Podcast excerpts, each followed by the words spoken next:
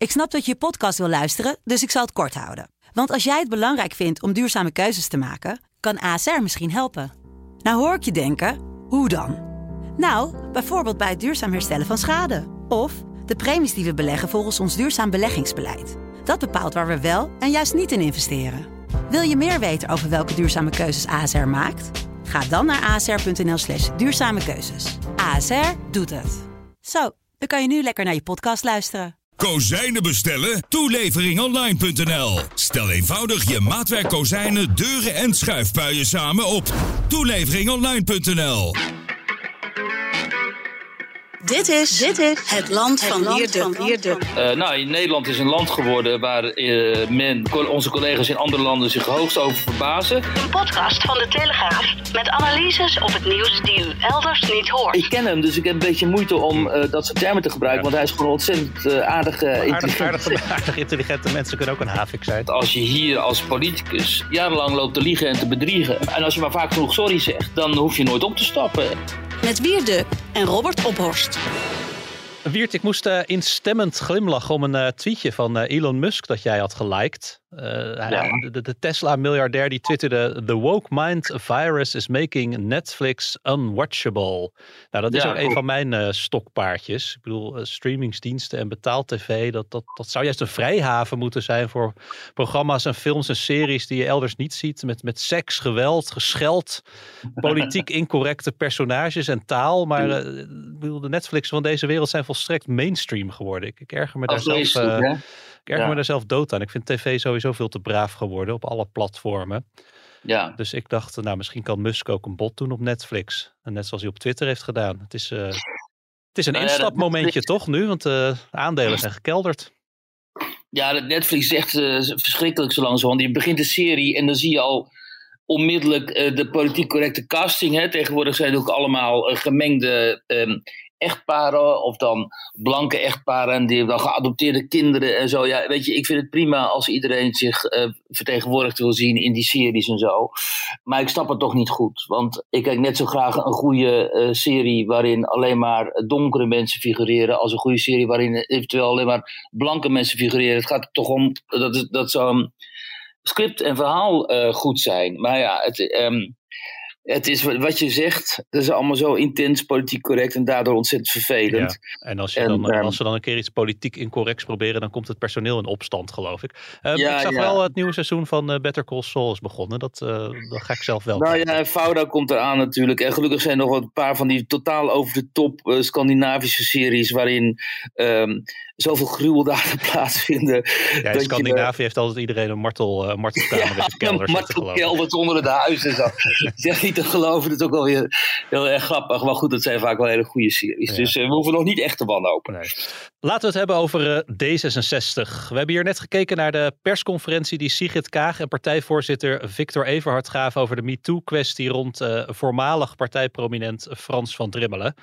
Afgelopen weekend publiceerde de Volkskrant uh, over de zaak. D66 zou een rapport met stevige conclusies over grensoverschrijdend gedrag van Van Drimmelen achter hebben gehouden. Eerder ging er wel een onderzoek met mildere conclusies naar buiten. Dat was ook zo net rond de verkiezingen.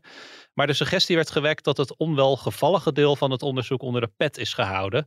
Nou, Van Drimmelen die heeft inmiddels gedwongen zijn uh, partijlidmaatschap opgegeven. En Kaag en Everhard hebben tijdens hun uh, persconferentie beiden excuses gemaakt. Kaag zegt dat ze de inhoud van, het, uh, van de vertrouwelijke bijlagen van uh, over Van Drimmelen ook niet kent, niet mag kennen. Maar ze neemt zichzelf kwalijk dat ze niet sneller heeft ingegrepen toen het uh, vrouwelijk slachtoffer zich vorig jaar bij haar meldde over, de, over die bijlagen. Um, partijvoorzitter Everhard die maakt ook excuses, maar dan over de, voor de manier waarop de partij is omgegaan met, met deze hele zaak. Ja, Wiert, jij hebt ook gekeken.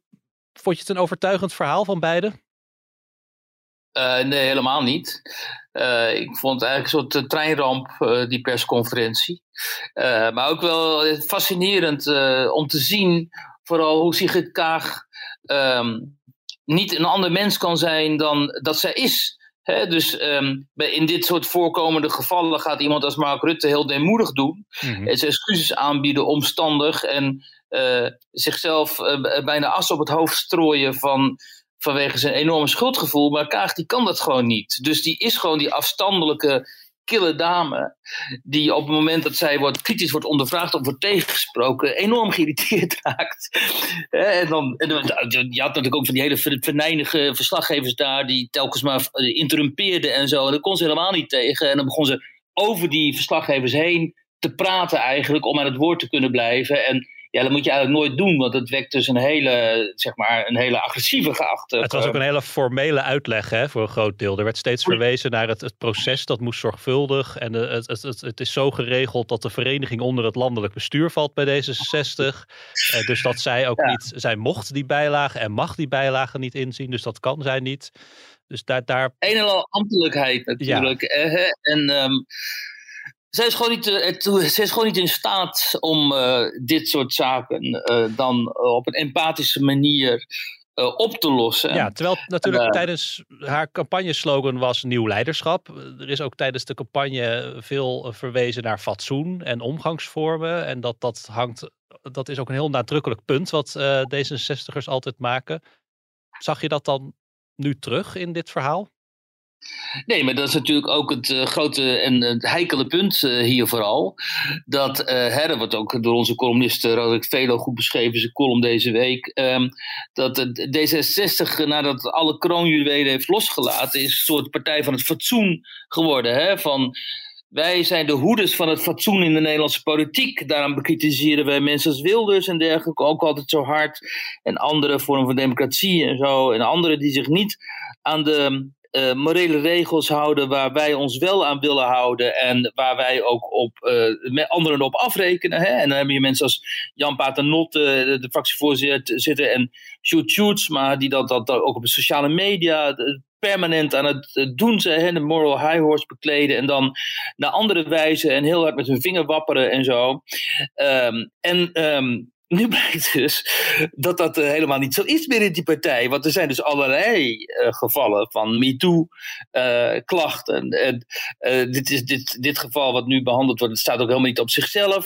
Het is gewoon kennelijk toch een partij waarin alfa-mannetjes denken dat ze op bepaalde manier met vrouwen kunnen omgaan. Ook altijd weer die seksueel getinte opmerkingen en zo. Weet je, dat verbaast me ook wel hoor. Dat, dat het altijd zo binnen die relaties en binnen dit soort verenigingen en zo altijd zo um, aan, de orde, uh, aan de orde is. Van die mannetjes die dan proberen toch om uh, kennelijk um, seksueel iets met, met die vrouwen te krijgen. En uh, ook onbeschaamd. Hè. En dan, ehm, ja, dan lopen ze dus in hun eigen val. En dat is nu gebeurd. En dan zou Deemoed en ook wel gewoon schuldbekentenis, mm -hmm. maar ook op een beetje empathische manier. Dat zou natuurlijk um, uh, aan de orde moeten zijn. En uh, ook um, iets minder hoog uh, van die torenblazen. Maar in die persconferentie deed zich het Kager toch voorkomen alsof zij de onschuldige is die van iets beschuldigd wordt. Ze noemt het ook een kruisverhoor bijvoorbeeld. Um, en dat het um, alsof het niet aan haar partij en aan haar ligt, maar aan die boze buitenwereld. Die komen klagen over het fatsoenlijke D66. Ja. ja. Nou ja, en ze zei ook nog van: ik, ik heb soms de indruk dat het meer gaat om de ophef dan om de zaak zelf. Er worden, werden volgens haar en worden volgens haar heel veel aannames gedaan in de media. Zelf, je zag, hetzelfde zag je eigenlijk ook al terug eerder deze week. Hè, in die verklaring van Frans van Drimmelen. Uh, waarin hij wel toegeeft dat hij domme dingen heeft gemaakt. Maar toch ook aangeeft dat volgens hem veel onwaarheden in de media zijn gepubliceerd over. Uh, nou, maar kijk, dat er onwaarheden zijn altijd doorcijpelen, ook in mediaberichten. Uh, dat, dat is ook heel vaak natuurlijk wel zo. Maar en als je, is dat niet de plek om daar en het moment om daar dan op te wijzen. Nee, maar dat toont ook haar onhandigheid of haar onbenul met omgang met media. Dat je dan op zo'n moment daarover gaat klagen, dat moet je natuurlijk niet doen. Hè? Je moet het even uitzitten. En, um, uh, en niet met dit soort argumentaties aankomen waar, waarvoor op dit moment helemaal niemand gevoelig is. En uh, waarvoor op nu, nu ook eh, even geen plek is, want het gaat nu om het morele leiderschap van Sigrid Kaag waarin ze heeft gefaald en waarin de hele partij heeft gefaald. En, uh, en uh, ze moet dat erkennen, maar ja, ze stapt toch niet op. He, dus dat is natuurlijk, uh, het, het, punt is natuurlijk, en de vraag was, ja, gaat zich het Kaag opstappen? Nou, dat kon je al van tevoren, ver van tevoren zien aankomen dat dat niet gaat gebeuren, omdat het nu zo eenmaal zo is voorbestemd in kringen van D66 en van media die die partij goed gezind zijn, vooral bij de publieke omroep ook, dat, deze, dat zij de eerste vrouwelijke premier van uh, Nederland moet worden na Mark Rutte. En die laat zich door zo'n akkefietje uh, natuurlijk uh, niet van um, hun plannen, hun doel afleiden. Gelukkig, dus, gelukkig, gelukkig is leiderschap breder dan deze bijzondere casus, zei ze ook nog. Leiderschap gaat toch over zoveel meer. Ja, maar goed, het probleem is dat ze in andere zaken ook niet zoveel leiderschap heeft getoond. want we herinneren ons allemaal nog dat die Sidney, Sidney Smeets in de Tweede Kamer kon komen. die advocaat rond wie al heel lang in ieder geval verhalen de ronde deden over uh, toch wel intimiderend gedrag tegenover jonge en kwetsbare homojongens. Mm Nou, dat bleek ook allemaal het geval te zijn geweest. Die homojongens, uh, als je die zo mag noemen, homoseksuele jongens, die traden naar voren en die zeiden, die Smeet is gewoon op echt een, een walgelijke manier met ons omgegaan. En die zit nu een beetje uh, de moraal te prediken in die Tweede Kamer. Nou, toen heeft ze inderdaad opgetreden, heeft ze gezegd hij moet weg want wij zijn namelijk een fatsoenlijke partij, dus wij willen dit niet in onze partij. Maar ja, dat was natuurlijk al te laat. Die Sidney Smeets had nooit op die lijst moeten komen, want die, die verhalen die deden al lang de ronde over hem. En Sidney Smeets was nu ook bij uitstek zo iemand, ook weer zo grappig, die zo graag anderen de les las. En dat nu weer nog altijd doet trouwens, overigens. Uh, dus anderen de les aan het lezen was, terwijl hij dan vervolgens, um, als hij even van Twitter af was, kennelijk uh, die jongens ging, seksueel ging, ging intimideren. Ja, weet je, dat maakt je natuurlijk volstrekt ongeloofwaardig als uh, partij van het fatsoen. Wat, wat, wat, wat zegt nou zo'n verhaal dat tijdens die persco werd gehouden en het feit dat zij niet aftreedt? Wat, wat, wat zegt dat, vind jij, over de huidige politieke tijd? Uh, nou, Nederland is een land geworden waar uh, men, onze collega's in andere landen zich hoogst over verbazen. Namelijk uh, dat als je hier als politicus jarenlang loopt te liegen en te bedriegen. en, maar, en als je maar vaak genoeg sorry zegt, dan hoef je nooit op te stappen. En dan, dan stel je gewoon opnieuw een kabinet samen en zo met dezelfde partijen. Waarvan een aantal mensen ook liepen te, liegen en te doen. En waarvan een aantal mensen notabene heeft gezegd van hier scheiden onze wegen. Of of eh, nee, hier gaan we niet meer mee ehm, in een regering zitten. En uiteindelijk zitten die partijen allemaal weer met elkaar in een regering. En eh, is dat allemaal mogelijk? En dat is in andere landen eh, ja, dat, dat, gaat toch wel anders. Ja, is, dat, is, dit, is dit echt een Nederlands fenomeen, vind jij? Nou, ik, dat weet ik niet of het nou specifiek Nederlands fenomeen is, maar in landen, in, ik ben, ben in Duitsland bijvoorbeeld correspondent geweest en daar heb ik mensen die toch wel echt uh, grote carrières voor ogen hadden in de politiek, uh, moeten zien weggaan, omdat bijvoorbeeld iets in hun proefschrift uh, was ontdekt wat dan duidde op plagiaat en dat was een reden voor die mensen om af te moeten treden en hun politieke toekomst stop te zetten. Ja. Um, en dat zie ik in Nederland toch minder vaak gebeuren. Nou, we moeten de, de politieke analyse natuurlijk ook deels aan onze parlementaire redactie Precies. laten. Maar wat mij nou ook wel heel erg opviel, dat ze steeds terugverwezen naar, het, naar het bestuur. Zij mocht die bijlagen niet inzien, inzien, dus deed ze dat ook niet. En dus was het een zaak van het bestuur. Ja, je kan natuurlijk ook zeggen, ik, ik pak dat leiderschap en ik, uh, uh, ik, ik, ik, ik ga daar wel optreden. Maar er werd allemaal verwezen naar uh, de procedure. Ja, het was gewoon gewoon niet interessant voor haar want als je denkt, als je politiek spitsengevoel hebt, zoals het heet, en je denkt van, oh, hier zit de tijdbom aan te komen, uh, en dit moet, willen we niet hebben, dan uh, eis je natuurlijk inzage. En dan zeg je, laat maar eens even zien, wat is er nou precies gaande? Mm. En dan verwijs je niet heel formeel, zoals dat nee. gebeurde, telkens door naar dat bestuur. Nee, of het in de hoop dat die het wel af zullen handelen. Dat of het gewoon je goed uit als je geen uh, inzage hebt gehad. Als je er niet... Nou ja, dat is dus wat ik al vrij dacht eigenlijk. Hè? Dat ze zeg, kan zeggen van je luister dus, ik wil er niks mee te maken hebben. Ik wil niet eens weten wat er in die bijlage staat. Want ik wil niet, uh, uh, het, het, ik wil niet in een positie komen waarin ik te compromitteren ben. En dat is wat ze eigenlijk nu aan het doen is. Ze zegt, ik heb die bijlage niet gezien hè, waarin dit uh, allemaal stond. Dus ja, ik ben hier eigenlijk niet op af te rekenen, want dat ligt toch allemaal bij het bestuur. Ja. En dat is maar dan bedrijf dus politiek over het hoofd van uh, die dame die geklaagd heeft. Ja, het is, een, uh, het is een hele serieuze zaak, want het gaat over hele serieuze dingen. Um, ik, ik, moet ook bij zeggen, we hebben bij de Telegraaf ook onze eigen affaire onlangs gehad met een verslaggever die, die tijdelijk op non-actief is gesteld. Dus ik wil er ook niet te licht over doen of zo, maar het, het taalgebruik en de redenaties die van zo'n persconferentie, ja, het was wat dat betreft ook wel heel interessant. Uh, ik denk dat taalhistorici hier ook nog wel jaren werk aan hebben. Want de woorden en de, de, de zinsconstructies die af en toe gebruikt werden, ja, het was, het was bijna smullen. Ja, het was ook schitterend. Dat, eh, dat vind ik toch wel mooi als Sigrid Kaag. Dat maakt en neemt mij ook wel weer wat voor haar in. Dat ze, wat ik in het begin zei, ze kan gewoon niet anders zijn dan wie ze is. En dan gaat ze opeens zeggen dat uh, bijvoorbeeld, uh, ze zei letterlijk van erkenning van, de, van het slachtoffer in dit geval is uh, primordiaal. Ja, dat is ook zo'n woord. Ja, ik, ik ken het niet. en ik, en, ik, kan me het niet helder voor de bril halen, zei ze geloof ik ook nog op moment. Ja, precies, vanuit bril. Maar um, kijk, waar Rutte zich dan uh, ik de, ga nu een retorisch antwoord geven of zo. Was ook, ja, ja inderdaad. Allemaal van die... Kijk, Rutte zou dan een beetje de volkse jongen gaan uithangen. En net doen alsof hij ook van de straat is en zo. En dan proberen op die manier mensen van zich te winnen. Maar zij kan het gewoon niet. Ze blijft maar vastzitten in dat afstandelijke en dat eh, cerebrale, cerebrale. En ook uh, de, de, dat, de taal, taal dat op een.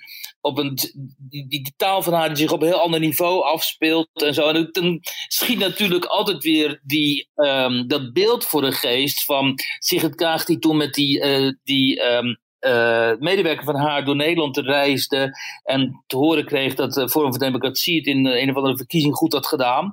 En dat ze dan op dat moment zegt van, wie zijn toch die mensen? Hè? Ja. En dat die, die jongen het dan ook niet weet. die heeft ook zoiets van, ja, geen idee. En uh, ja, dat, dat, dat is het gewoon. En uh, dat is slecht voor het land, maar wel hilarisch om te zien natuurlijk. Nou, we, we, zullen afwachten wat het in de peilingen doet, deze, deze affaire in ieder geval met de partij. Maar wat denk jij? Denk je dat veel potentiële ja, of, of, of, uh, of, kiezers bij de vorige verkiezingen zijn afgeschrikt door, dit, uh, door deze affaire? Ja, ik ken zelf ook zoveel mensen die zeggen: joh, ik had nooit op die partij moeten stemmen. Ik heb er spijt van dat ik dat gedaan heb. Maar die wisten gewoon niet beter. Hè? Die kregen die kaagpropaganda aangeraakt vlak voor de verkiezingen. En dachten: oh, een leuke vrouw, die ken ik niet. En uh, daar ga ik maar op stemmen. En uh, die zijn nu wel wat meer door de wol geverfd. Dus die gaan niet meer op D66 stemmen. Dus in de peilingen zul je zien dat dit een behoorlijk effect zal hebben. Uh, maar ja, die peilingen zijn ook maar peilingen. peilingen, zijn ook maar peilingen. Nou. Over een tijdje dan is het allemaal weer vergeten. En dan komen de Tweede Kamerverkiezingen aan. En dan staan we er weer heel anders voor. Ja, terwijl de slag om de Donbass in alle hevigheid woedt en de oorlog in Oekraïne zich mogelijk in de beslissende fase bevindt, uh, voert de organisatie van Wimbledon zijn eigen oorlog. Er is besloten om tennissers uit Rusland en Wit-Rusland dit jaar te weren van het uh, Grand Slam toernooi. Goed om even uit te leggen, de internationale tennisorganisaties hebben al uh, eerder besloten om Russische en Wit-Russische teams uit te sluiten van internationale wedstrijden. Individueel mogen spelers wel meedoen aan internationale toernooien, maar niet onder de vlag van hun land. Maar Wimbledon gaat nu dus een stap verder. Als eerste toernooi zijn daar dus ook individuele spelers uit Rusland en Wit-Rusland niet welkom. Wat vind jij daarvan? Ja, ik vind dat uh, onvoorstelbaar. Uh, hoe, hoe, kun je nou individuele sporters van individuele, individuele sporters verwachten dat ze zich nadrukkelijk uitspreken tegen eh, Vladimir Poetin. Want dat, dat moet, zouden ze dan moeten doen, schriftelijk. Hmm. En dan zouden ze eventueel nog in aanmerking komen voor uh, mededinging. Ja, nou, een van die tennissers um, is ehm, André Rublev. En die heeft juist nog, uh, ik geloof in februari op een toernooi, ik dacht in Dubai, schreef hij uh, op een camera: No war, please. Dus ik bedoel, die. die ja, dus ook nog eens een keer. Dit zijn vaak ook nog sporters die zich wel al hebben uitgesproken ja. tegen, die, tegen die oorlog. Mm. Um, dus ik vind dit uh, van het Wimbledon-comité een uh, schandalige manoeuvre. En het is gewoon discriminatie. Um, wat kun je er nou aan doen als, Rus, als Russische toptennisser? Of uh, je hebt het ook gezien in de cultuur met dirigenten en dergelijke. Um, wat kun je nou aan doen dat je als Rus bent geboren? En als, wat kun je meer doen dan je uitspreken tegen die oorlog? Kijk, als je echt gaat zeggen, moet gaan zeggen en Vladimir Poetin moet weg dan loop je bovendien de kans dat jouw familie in Rusland wordt opgepakt of aangepakt. Dus het zijn onmogelijke eisen die dat comité, of dat, die, die organisatie stelt aan die individuele sporters. Ja. En ondertussen ondernemen ze hen de kans op uh, eer en glorie, zoals dat heet. Maar ja, in deze totaal hysterische samenleving hebben we al eerder gezien dat notabene uh, exposities van dode Russen ja. worden gecanceld. Ik bedoel, zoals die uh, uh, expositie in de Hermitage rond werk van onder andere Malevich en andere grote suprematisten, fantastische kunstenaars, die notabene zelf slachtoffer zijn geworden, notabene vaak van het communisme en van de Russische staat, want daar komt het op neer of die nou communistisch is of niet.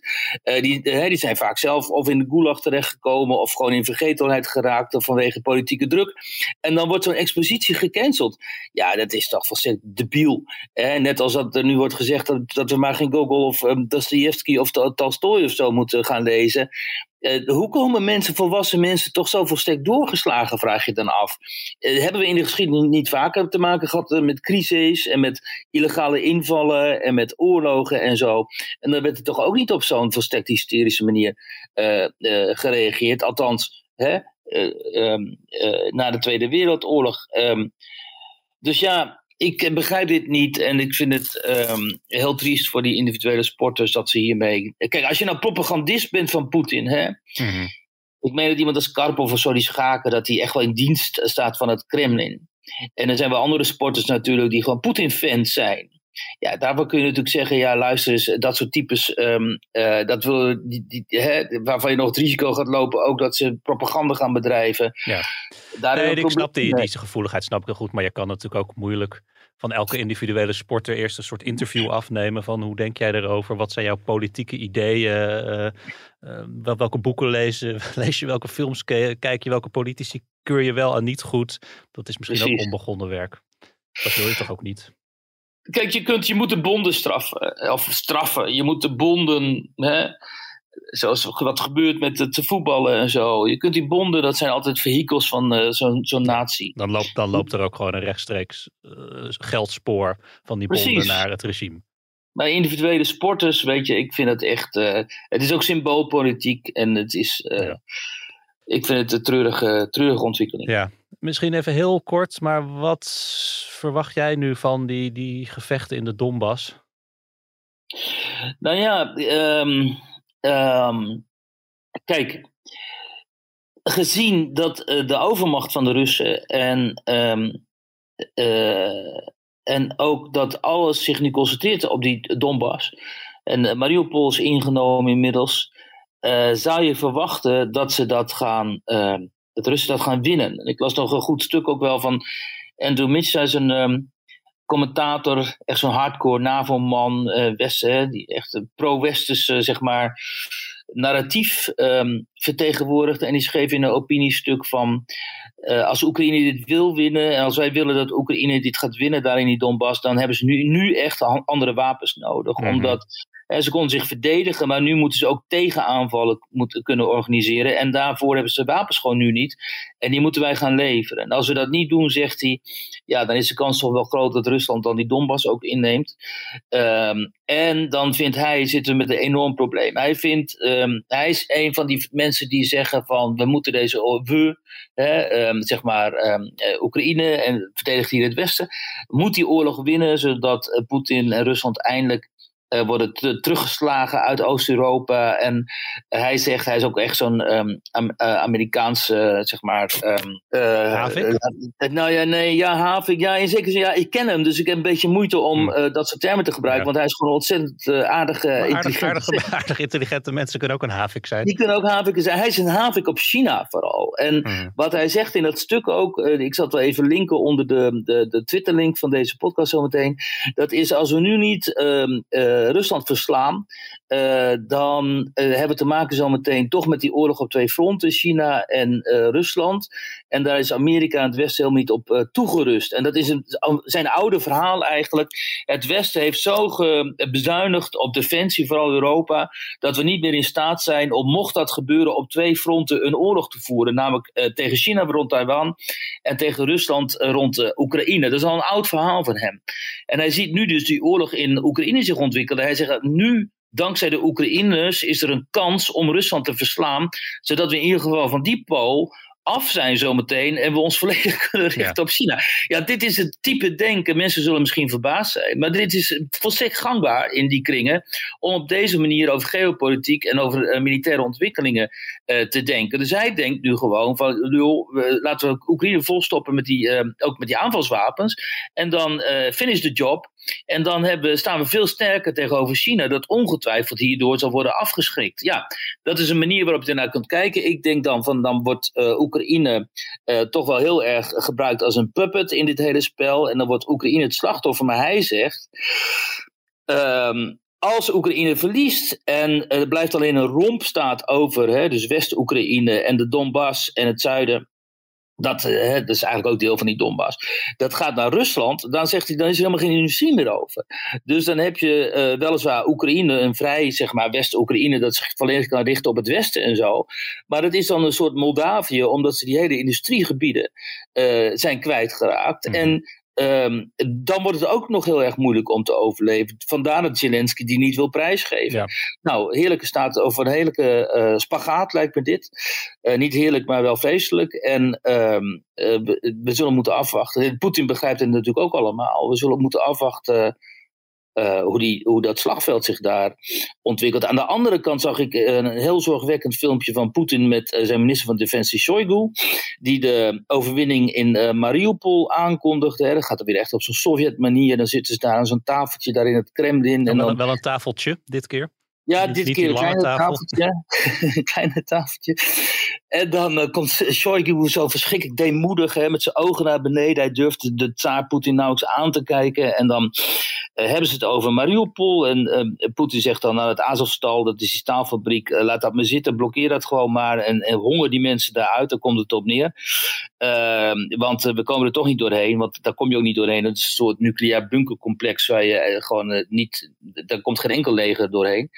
Ehm, maar het opmerkelijke daaraan is hoe ontzettend slecht Poetin eruit ziet. En dat hij ehm, eh, zijn hand de hele tijd aan die tafel vasthoudt. En de geruchten dat hij Parkinson zou hebben. En ehm, dat hij daarom met zijn hand eh, een soort vast object zoekt om maar niet te trillen en zo.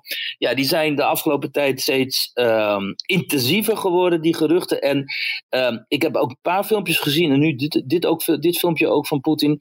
eh, waarin dat ook eigenlijk wel tot uiting komt. En waarvan ik denk van, oh oh. Parkinson is ook een soort vorm van dementie natuurlijk. Mm, hè. ja, En- jij, jij, en- meent, jij meent daar tekenen in te zien. nou, Eh, ik, ik vind wel dat hij heel snel aftakelt, moet ik zeggen. Maar ja, vorige week of zo was hij met Lukashenko toen eh, in zo'n fabriek. Ja, en toen was hij er weer helemaal bij. Was hij weer helemaal het mannetje. Dus eh toen ja, was het is gevaarlijk hè, dat soort interpretatie ook van beelden. En het blijft, blijft speculeren. Ik kan me wel voorstellen dat zo'n oorlog wat, met je, wat met je lichaam en je geest doet. Eh, ook, ook zelfs als eh, president van eh, een land wat de agressor is. Toch? Ja, moet je je voorstellen wat voor keuzes je moet maken joh, de hele tijd. En wat Ja. voor implicaties die hebben. En hoe dat uiteindelijk ook... Ik bedoel, ik zeg, ik zeg dat niet om, al zo van we moeten medelijden met hem hebben hoor. Maar hij staat Ja, maar onder immense druk, neem ik aan. Je hebt toch gezien hoe Hitler er aan het eind van de oorlog uitzag? Dat was een soort wandelend lijk eh, geworden. Eh, die, die stress... ehm, Ja, die was alleen nog maar bezig met eh, het front in het oosten op het laatst, geloof ik. Toch? Die had... Ja, maar die was totaal ook helemaal fysiek en lichamelijk, geestelijk afgetakeld. Dus die mensen, zelfs al ben je een totaal gewetenloze dictator, uiteindelijk leef je natuurlijk wel met de gevolgen van wat je allemaal in gang hebt gezet. Ja. En, en vooral voor, voor dit soort narcistische persoonlijkheden is het verlies natuurlijk ook ondraaglijk. Dus natuurlijk eh, grijpt het ook in op hun ehm, eh, psyche. Hè, die worden gewoon, die, die, die, die neuroses en zo. Ik zal maar even de, de, de psycholoog uithangen hier. Maar die neuroses en die, die psychopathie en zo, die worden daar alleen maar door vergroot. Ja, en dat, dat is wel fascinerend als je dat eh, kunt eh, observeren. Het land van de luisteraar. Ik heb het gevoel dat we vandaag en morgen helemaal niets meer te vertellen hebben. We leven toch in een geweldig land. Echt woedend, ja, serieus. Ik kan me zo kwaad om maken. Ze doen nog geen bliksem. Helemaal niks. Nederland is de mooiste land op aarde. We blijven even bij eh, Oekraïne en Rusland, want wij kregen een eh, mailtje van Rob Poot uit Vlaardingen. Die schrijft, ik heb afgelopen weekend op het Movies That Matter Filmfestival in Den Haag de indrukwekkende documentaire film Navalny van eh, Daniel Roher gezien. Hebben Wiert en of Robert de film Navalny ook gezien en zouden jullie eh, nog eens kunnen bespreken waarom Navalny geen actor van belang is in de Russische politiek en waarom hij en zijn beweging dat niet zouden kunnen worden? De documentairemaker eh, en Navalny zelf vinden namelijk van wel. Of is dat toch hopen tegen beter weten in? Ja, ik kan over die film nog niks zeggen. Ik heb hem nog ook niet gezien hoor, trouwens. Nee, maar ik zou er wel. Ik werd er wel voor uitgenodigd, dus ik, ik ga hem wel zien. Maar over Navalny. ehm, eh, ja, er is altijd hoop rond Navalny dat hij dan de, eh, de populaire Russische oppositieleider zou kunnen zijn, of is, die het uiteindelijk ook zou kunnen brengen tot in het Kremlin. Maar ehm, dat, dat, is, dat is onmogelijk in Rusland. En om allerlei redenen. Ten eerste heeft hij daar gewoon het apparaat niet voor. Ten tweede is hij daar ook uiteindelijk niet um, populair genoeg voor. Um, en ten derde zal de, het verzet vanuit die gevestigde orde, of dat nou Poetin is of de opvolger van Poetin, um, dat die elites, zeg ja. maar. Is er überhaupt een, een oppositie mogelijk? Nee, toch? Nou ja, op dit moment natuurlijk bijna niet. Maar als, Putin, uh, uh, als het Poetin-regime in elkaar stort, en het kan altijd in Rusland, regimes kunnen altijd als een kaartenhuis in elkaar storten. Dat zag je tijdens het Sovjet-Unie aan het einde. Opeens stortte de boel gewoon uh, hè, totaal onverwacht eigenlijk ineen. En uh, uh, dus het kan altijd gebeuren dat, dat die, hele, die Russische macht, uh, die, verticaal zoals het heet, is vaak veel brozer dan zij zelf doen voorkomen en dan wij vermoeden. Heb je ook weer gezien met het leger. Hè? We Mhm. dachten allemaal toch, nou, het leger is gemoderniseerd, heeft, het, ehm, heeft gevechtservaring opgedaan, althans deels, delen ervan in Syrië dat moet voor hen uh, eigenlijk uh, geen probleem zijn om, uh, om um, Oekraïne. Daar kan ik geen app voor. Sorry, Syrië gaat hier weer tekeer. Om Oekraïne in te nemen. Maar ja, het, je, zegt, je, zegt, Syrië en, en Syrië begint. Ja, ik zeg Syrië, Syrië begint. Um, maar dat bleek dus helemaal niet het geval te zijn. En dat, kijk, en dat is, dat is wel iets wat ik even wil melden. En dat is iets wat mensen toch vaak niet realiseren. Dat is die geschiedenis van Rusland, hè, daar zit heel veel uh, Potemkin, zoals wij zeggen, maar het is eigenlijk Potjomkin, maar Potemkin-achtige uh, illusie in. De Russen zijn meesters in het ophouden van illusies, terwijl zij zelf heel goed weten dat hun samenleving en grote delen van hun samenleving gewoon eigenlijk een puinhoop is. En um, dat is dat was tijdens de, de Tsaar zo, dat was tijdens de Sovjet-Unie zo. Dat is nog altijd zo. En, uh, en dat blijkt nu dus ook het geval te zijn uh, met dat Russische. Met het Russische leger, uh, waar ook een soort Potemkin-achtige illusie over werd opgebouwd. En die, die dus in elkaar is gestort op het Oekraïnse slagveld. Het kan heel goed zijn dat die Russische macht uh, die uh, vanuit het Kremlin zich uit zou strekken tot al die regio's in, uh, in Rusland, die krankzinnig ver af liggen natuurlijk ook af en toe. Hè. Gabarovsk en zo, Vladivostok, als je daar naartoe vliegt ben je gewoon uren in de weer. Dan reis je door allerlei tijdzones en zo. um, in die regio's kijken ze natuurlijk naar Moskou en denken, ja het zal wel. Die hebben gewoon hun eigen, um, hun eigen levens en werkelijkheden en werelden uh, daar. En dat Moskou daarover uh, gezag heeft, dat, dat is wel zo, formeel zo.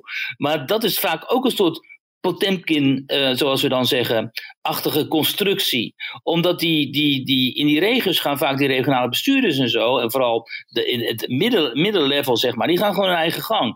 En mocht Poetin op een gegeven moment het veld moeten ruimen en er staat niet, niemand klaar. Maar staat, die, staat, staat iemand als Navalny dan niet klaar? Nee, totaal niet, want die heeft helemaal niet die, die support van, die, van, um, van al die baasjes ook in de regio's die denken, nu slaan wij onze slag. Mhm. Hij is niet hun man, hij is de man van de stedelijke elites, zeg maar, de intelligentsia, uh, de mensen die hier ook in Nederland uh, worden gefeteerd door de media en zo, die ook vaak dan mogen komen opdraven als er weer reportages vanuit Rusland worden geschreven en zo, uh, of, of, of gemaakt. Hè. Dat zijn dan de academici, de kunstenaars, de journalisten, noem maar op. Maar dat is niet het volk. En, en die intelligentsia, een groot deel daarvan, en zeker van de jongeren, is ofwel de mond gesnoerd inmiddels, of um, zijn vertrokken. De afgelopen tijd is enorme, heeft er ook een enorme exodus plaatsgevonden vanuit Rusland. Vooral heel veel intelligente jongeren die denken: joh, hier is voor mij geen toekomst, ik smeer hem. Um, dus um, Navalny zou dus moeten aansluiten dan vooral ook bij de, uh, de arbeidersklasse, eh, zeg maar de vrachtwagenchauffeurs, de stalenarbeiders en noem maar op. En um, de vraag is of hij dan wel hun man is, uh, of zij voldoende vertrouwen in hem hebben dat hij dat apparaat uh, zou kunnen uh, aanpakken. Nou, en bovendien, het is sowieso een illusie, hij zit gewoon in gevangen. Hij zit gewoon gevangen. Mhm. En, en, dat, hij daar, dat hij zou worden bevrijd en opeens als een soort revolutionair zou optrekken naar Moskou en Sint-Petersburg. Um, zo, zoals de Bolsjewieken destijds uh, hebben gedaan, ja, dat, dat is gewoon niet uh, op dit moment helemaal niet aan de orde. Hij is niet, als hij nou de man was van een van de facties in het Kremlin, dan had dat nog gekund. Want er zijn altijd facties in het Kremlin.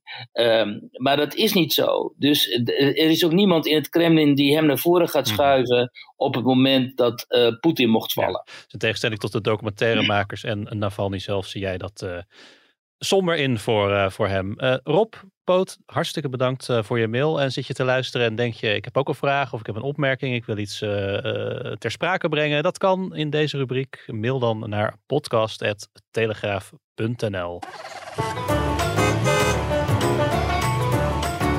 Waar was Wiert? Ja, 60 gigabyte. Uh, zo groot is de verzameling documenten die vier onafhankelijke data-analisten in hun vrije tijd doorspitten. Het gaat om overheidsdocumenten over de coronacrisis die in februari zijn vrijgegeven na een beroep uh, op de wet openbaarheid van bestuur. Jij sprak deze mannen. Eerste vraag misschien, Waarom doen ze dit in godsnaam?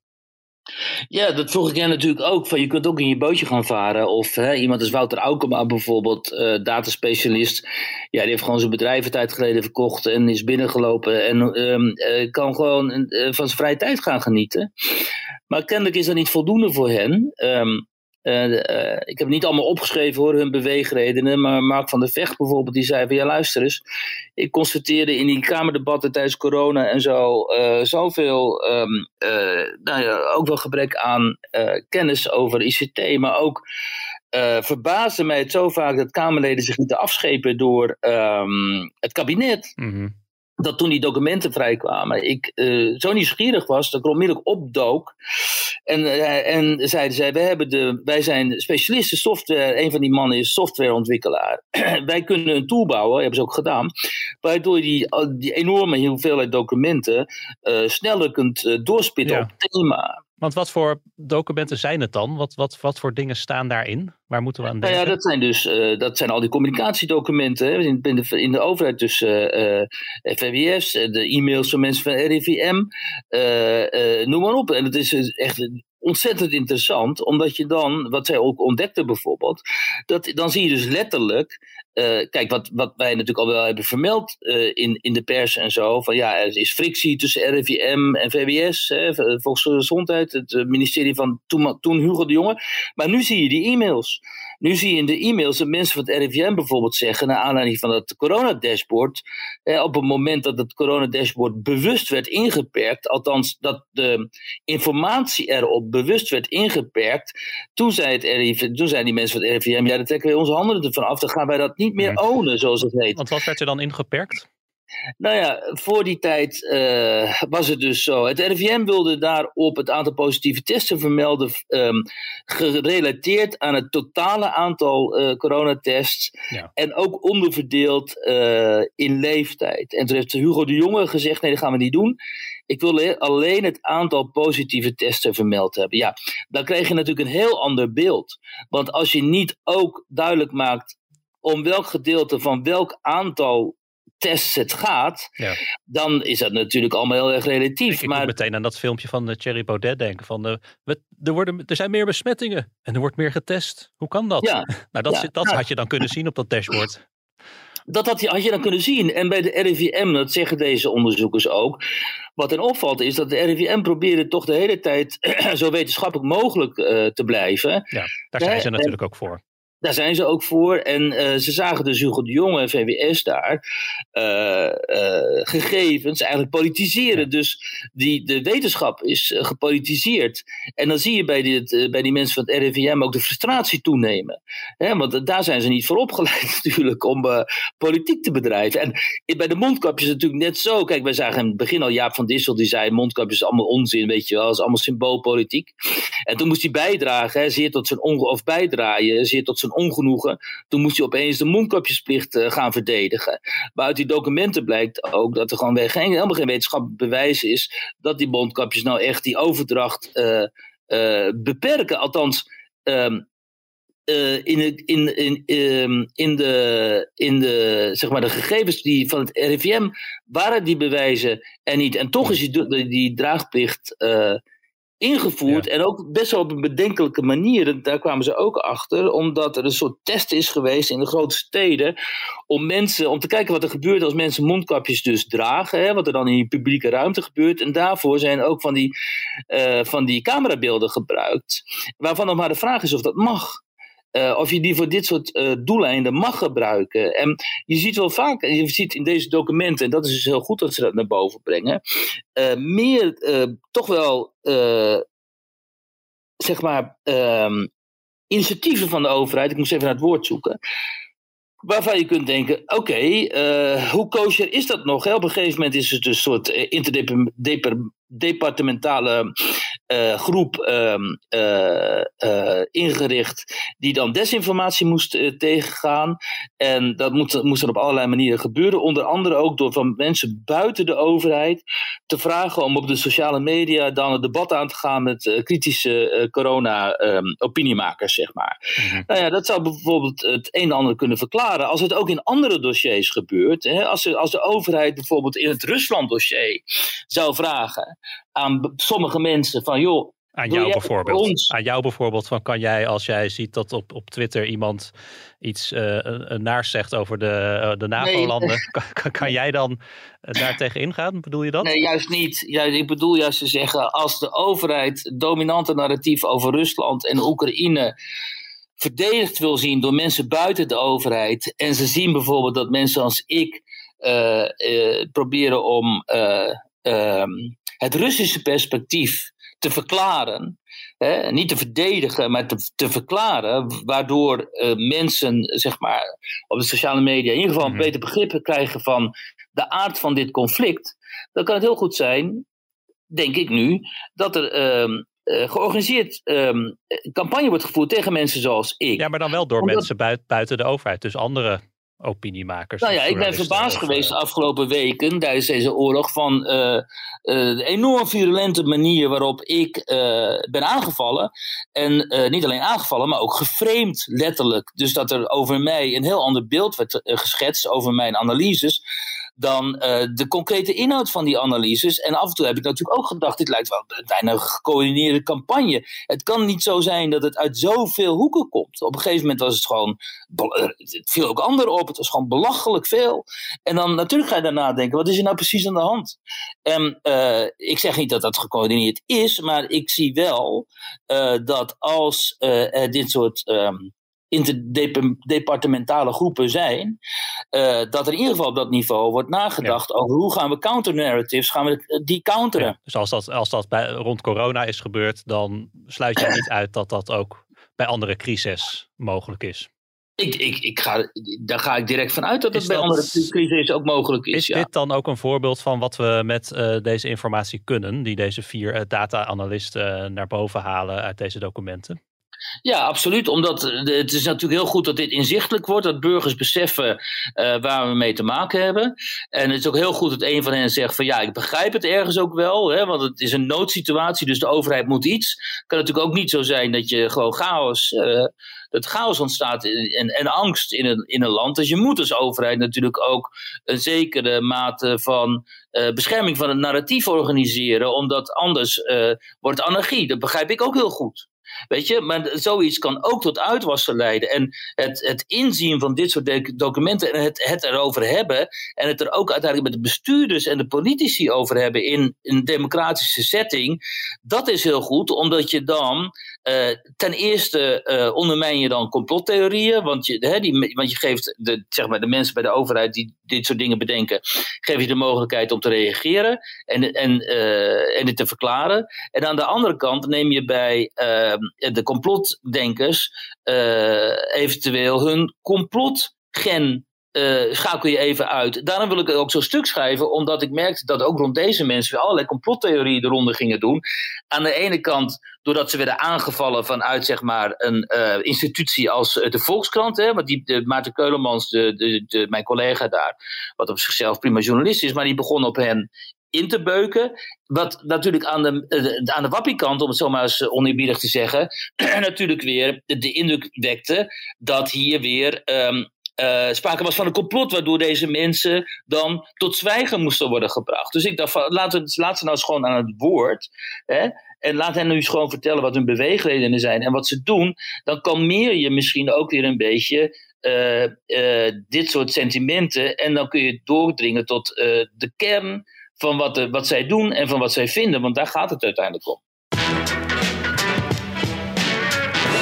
Verlichting onder vuur. Zo heet het uh, nieuwe vijfde boek van de Belgisch-Libanese activist, oud-politicus en schrijver Diab Abu Jaja. Jij sprak hem in uh, Brussel voor een interview dat zaterdag in de Telegraaf verschijnt. Ja, ik, ik zat nog even in onze archieven te kijken, te zoeken op Abu Jaja. En kwam toch wel wat, wat, wat artikelen tegen. Leon de Winter die omschreef hem in 2017 in een column in de Telegraaf nog als de, de Libanese fascist. Uh, er was ook nog een stuk uh, waarin hij uh, door een PVV, een Haags PVV-kamerlid, een, notoire jodenhater en huisvriend van Hezbollah werd genoemd. Die in het verleden heeft gezegd dat de sharia via democratie moet worden ingevoerd. Is de Abu Jaja van 2022 een andere dan die van 2017?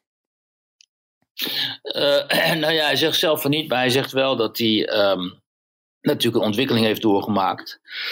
En uh, dat, je, dat mensen veranderen. dat mensen. Um, uh, en hij dus ook. Hij is niet meer degene die hij was toen hij 30 was. Mm -hmm. En hij is niet activist meer, hij is nu leraar. Um, en hij was destijds activistisch, dus hij praatte destijds ook voor zijn voor zijn groep, zegt hij, en voor zijn achterban. Ja, nu kan hij vrijheid praten, vrijheid schrijven. En, uh, en dat maakt natuurlijk wel dat hij anders uh, in het debat staat. Ja, want leg even uit voor de mensen die hem misschien wat minder goed kennen. Wie is hij? Nou ja, Diab Abu was uh, oprichter onder andere van de AIL. De Arabisch-Europese Liga. Precies, en die werd op een gegeven moment ook populair, ook in Nederland. Die werd in Nederland een beetje de nogal door de islamisten gekaapt. Uh, dat was ook uh, destijds wel. Hè, Samir A. onder andere, die, die was, daar, uh, was daarbij betrokken. Van de Hofstadgroep. Precies, en um, dat maakte, dat baarde hen, vertelde hij, destijds ook wel erg zorgen. Althans, um, Abu Jaja en de Belgische, want hij is Belg natuurlijk.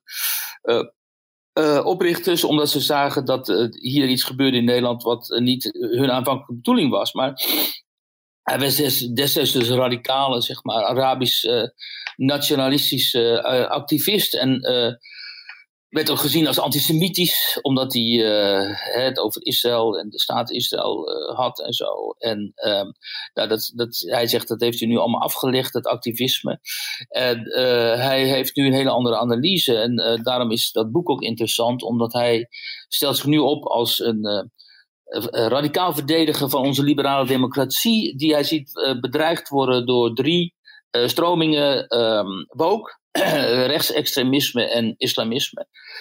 En hij zegt dat de liberale democratie zich niet veel, met veel meer hand en tand zeg maar, verzet tegen die um, aanvallen, ja, dan, dan zijn de gevolgen desastreus. Mm -hmm. en hij maakt een analyse van, nou ja, van die situatie eigenlijk. Uh, dat doet hij in een boek dat uh, goed leesbaar is en interessant. En waarin hij ook veel persoonlijke uh, anekdotes beschrijft. Um, maar vooral zijn analyse over woke, wat hij toch ziet als een enorme bedreiging uiteindelijk. Ja, die is actueel en ook wel urgent. Dus vandaar dat hij dacht dat het interessant zou zijn om hem te spreken. Ja. Nou, zaterdag staat het interview in de krant. Heeft hij nog een, een, een, een ja, wat ziet hij als een, een, een tegengif dan uh, tegen woke, tegen islamisme en tegen rechtsextremisme? Uh, nou ja, daar. Uh, um, ik hoor allemaal, ik hoor dus allemaal gepiep op de achtergrond. Het lijkt alsof de, ja, dat is nu voorbij. De, de magnetronmaaltijd klaar is. ja. Nee, jij, jij, zit thuis, want je uh, hebt een, uh, een overvol programma vandaag. Onder andere met het uitwerken van dit interview. Dus we nemen het op afstand op. Uh, dus vandaar wat huistuin- en keukengeluiden tussendoor. Maar ga verder. Um, dat hij zegt, die liberale democratie die moet veel minder zwak worden moet veel uh, sterker, veel zelfbewuster worden. Uh, moet zich veel sterker daarom ook overtuigd zijn van een soort van eigen superioriteit en zich ook op die manier kunnen verzetten. Maar daartoe is het ook nodig dat hij veel uh, gewortelder is, ook in uh, concept als een nazistaat. Hè? Hmm. Dus je kunt je alleen maar, zeg maar, um, maar goed, dat ga ik ook uitwerken in dat interview.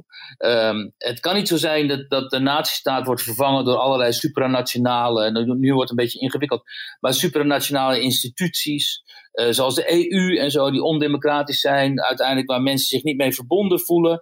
En um, eh, en als je dat uit handen geeft op die manier, en je verliest daarmee ook voor een groot deel, de elites verliezen daarmee ook voor een groot deel hun uh, geworteldheid in het electoraat. Dus, hè, en er ontstaat allerlei wantrouwen ten opzichte van de politiek. En ten opzichte van de instituties, zoals nu het geval is, ja, dan ga je dat gevecht uh, verliezen. Dus ook als je te veel toegeeft aan woke bijvoorbeeld, maar ook als je te veel toegeeft aan rechtse extremisme, dan, uh, want dat ziet hij ook gebeuren, of als je islamisten gaat pamperen, ja, daarmee ondermijn je uiteindelijk je eigen samenleving, vindt hij. En um, dus hij pleit voor een veel, hij pleit uiteindelijk voor een radicaal midden, zoals hij het noemt. Dat is een mhm. beetje een term, die kennen we hier in Nederland ook wel. En op zichzelf is dat ook niet zo heel erg uh, spectaculair, maar het is wel uh, belangrijk, denk ik, omdat we natuurlijk op allerlei gebieden in het Westen uh, die liberale, liberale democratie uitgehold zien worden. Vooral doordat je de partijen in het midden uh, zo ziet, uh, hè, heb zien imploderen, uh, ook in Nederland, waardoor allerlei middelpuntvliedende klachten, krachten het in staat zijn geweest om ook het publieke, publieke debatten zo aan te jagen, um, waardoor het allemaal ook niet, nou ja, we, we, hebben het al vaker over gehad natuurlijk, waardoor um, er best explosieve situaties zijn kunnen ontstaan. Ja. ja. We gaan het lezen zaterdag in de krant. Dus Wiert, ik uh, dank jou hartelijk en uh, tot snel weer. Dankjewel.